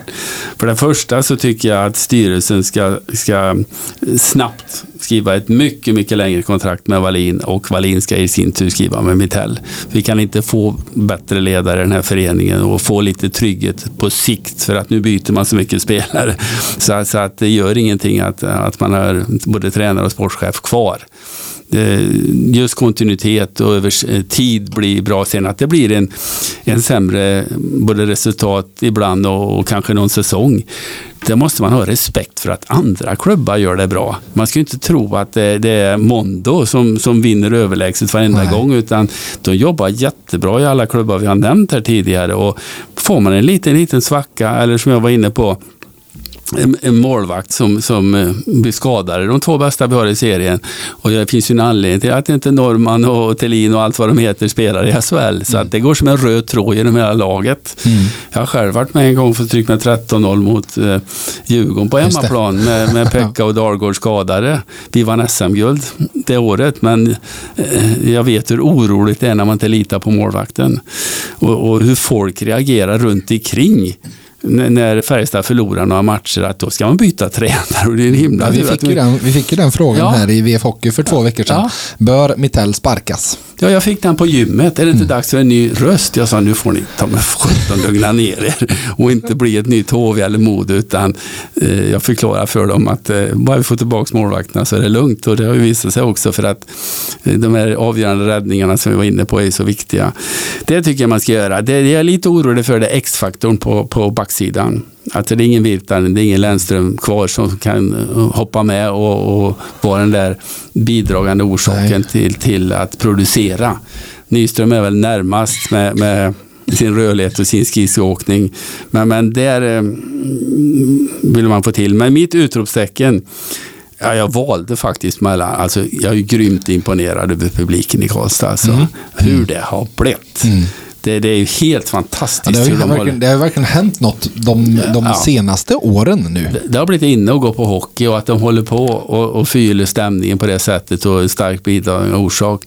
Men med, med utropstecken det är ju, det är ju målvakterna. Alltså mm. Lindbom och eh, glöm inte bort Lagacé. Alltså hur han har agerat och vilket par de är. Det är ju det starkaste paret. Det, det, det, de gör ett bra jobb, alltså, masken med dem och, och de verkar trivas med varandra också. Sen har jag en sak till som jag tycker de måste bli bättre på. Alltså jag blir mm. bekymrad. Ja, vad, har du, vad har du där? Tekningar. Ja. Men herregud, de vann ju inte en tekning igår. Alltså i boxplay, tänk att vinna tekning och få ut den ur zon. Tänk i powerplay, vinna tekning och börja anfallszon. Eller var du än är på banan. Det är en himla skillnad att börja med pucken än att jaga i 10-15 sekunder. Det, det tycker jag det finns en stor förbättringspotential i Färjestad. Och det är ju inget nytt tema sannoliken detta år, utan det har ju varit i ganska ja. många år ett ja. av SHLs sämsta teckningslag. Ja, det, det, det, finns förbättringspotential, helt klart. Men jag tycker ändå att det är ett lag som över tid har visat att man vill vara med och kriga om det här och man har, jag tycker det är en bra rangordning också med unga Eh, och lite mer etablerade killar och jag tycker de här ungdomarna gör det jättebra. Westfält är en kommande storcenter. Tycker Forsell, Lavner och de här knuggar på. Det var så roligt för några matcher sen när de var inne och gjorde två, tre mål och fick vara med och avgöra för det finns potential. Och de accepterar sin roll. Peppe Lund accepterar sin roll och så vidare. Så att eh, det är ett bra byggt lag utan den X-faktorn på backsidan. Det är skönt och då är vi inne på samma åsikt här i alla fall. För jag, vi pratade ju förut om vad, vad jag, för någon vecka sedan vad Färjestad skulle kunna göra eh, på, inför deadline och jag sa att det jag tror de skulle vilja göra är att ta in en alla Lennström, men en, en sån toppback, eh, men det tror jag ju inte finns. Nej. Men att det, hade det funnits så är det där jag hade adderat någonting till, den här, till det här laget. Eh, så sett. Men eh, de är ju faktiskt bara tvåa med sina 80 poäng. För etta är laget som har slutat att förlora matcher. Som heter Växjö Lakers och har 81 poäng. Vad har du valt där Harald?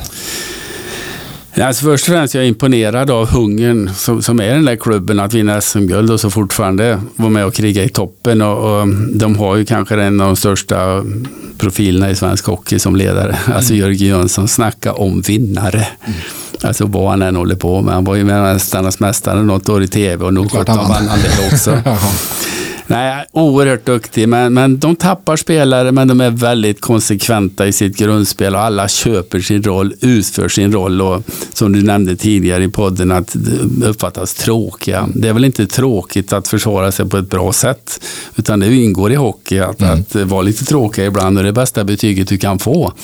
Under 70-talet gjorde vi Färjestad betecknade att spela ryggspels ja, ryggsäckshockey. Ja, och det var ju bästa betyget vi kunde få, för det var ju jobbigt att spela mot oss då. Tråkigt och det, det gav ju också resultat.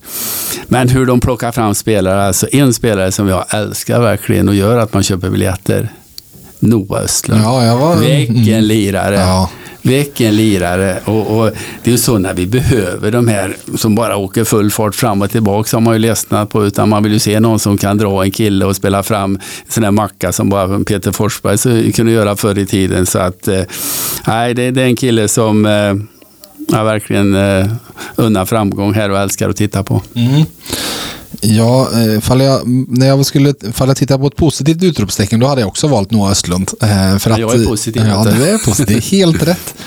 Eh, men det är väl bra, då får vi en dynamik i podden när vi inte säger samma sak i alla fall. Så jag pratar inte om Noah Östlund, även fast jag är barnsligt förtjust i honom jag också.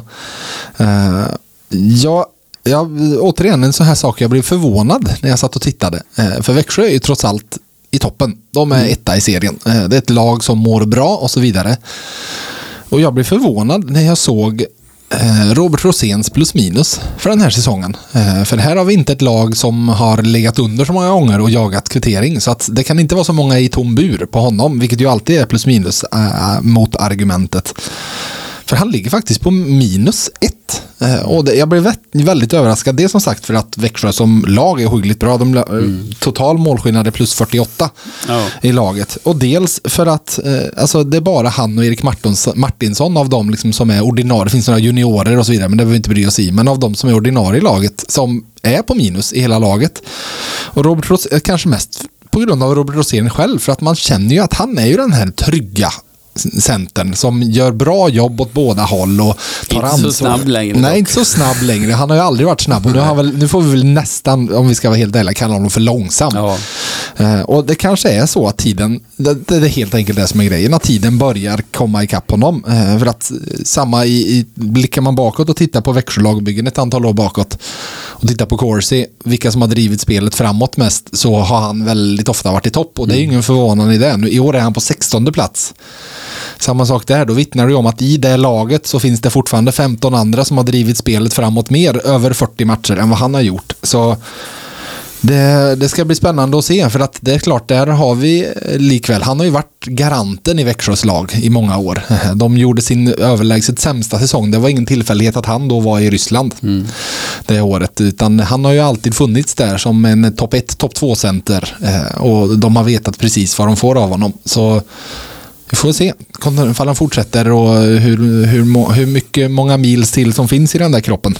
Nej, mycket talar för att det är hans sista säsong. Men, men då kanske han är en sån där som en kulturbärare som är väldigt viktig i omklädningsrummet Ja. och, och föra traditioner vidare. För nu har man ju toppar som man blir orolig när man såg Larmi här. Hur sjutton ska man göra mål på den Mm. Ja, kommande precis. slutspel? Joel Persson på backen. Ta, ta Sylvegård som har fått en, en renässans där. Mm. Eh, Kossila och så Noah Östlund. Så de har ju toppar som driver Ja, ja, ja. laget numera. Det ansvaret behöver ju inte Rosén ta utan han, han står där framför målen och 17 petar han in lite puckar då och då.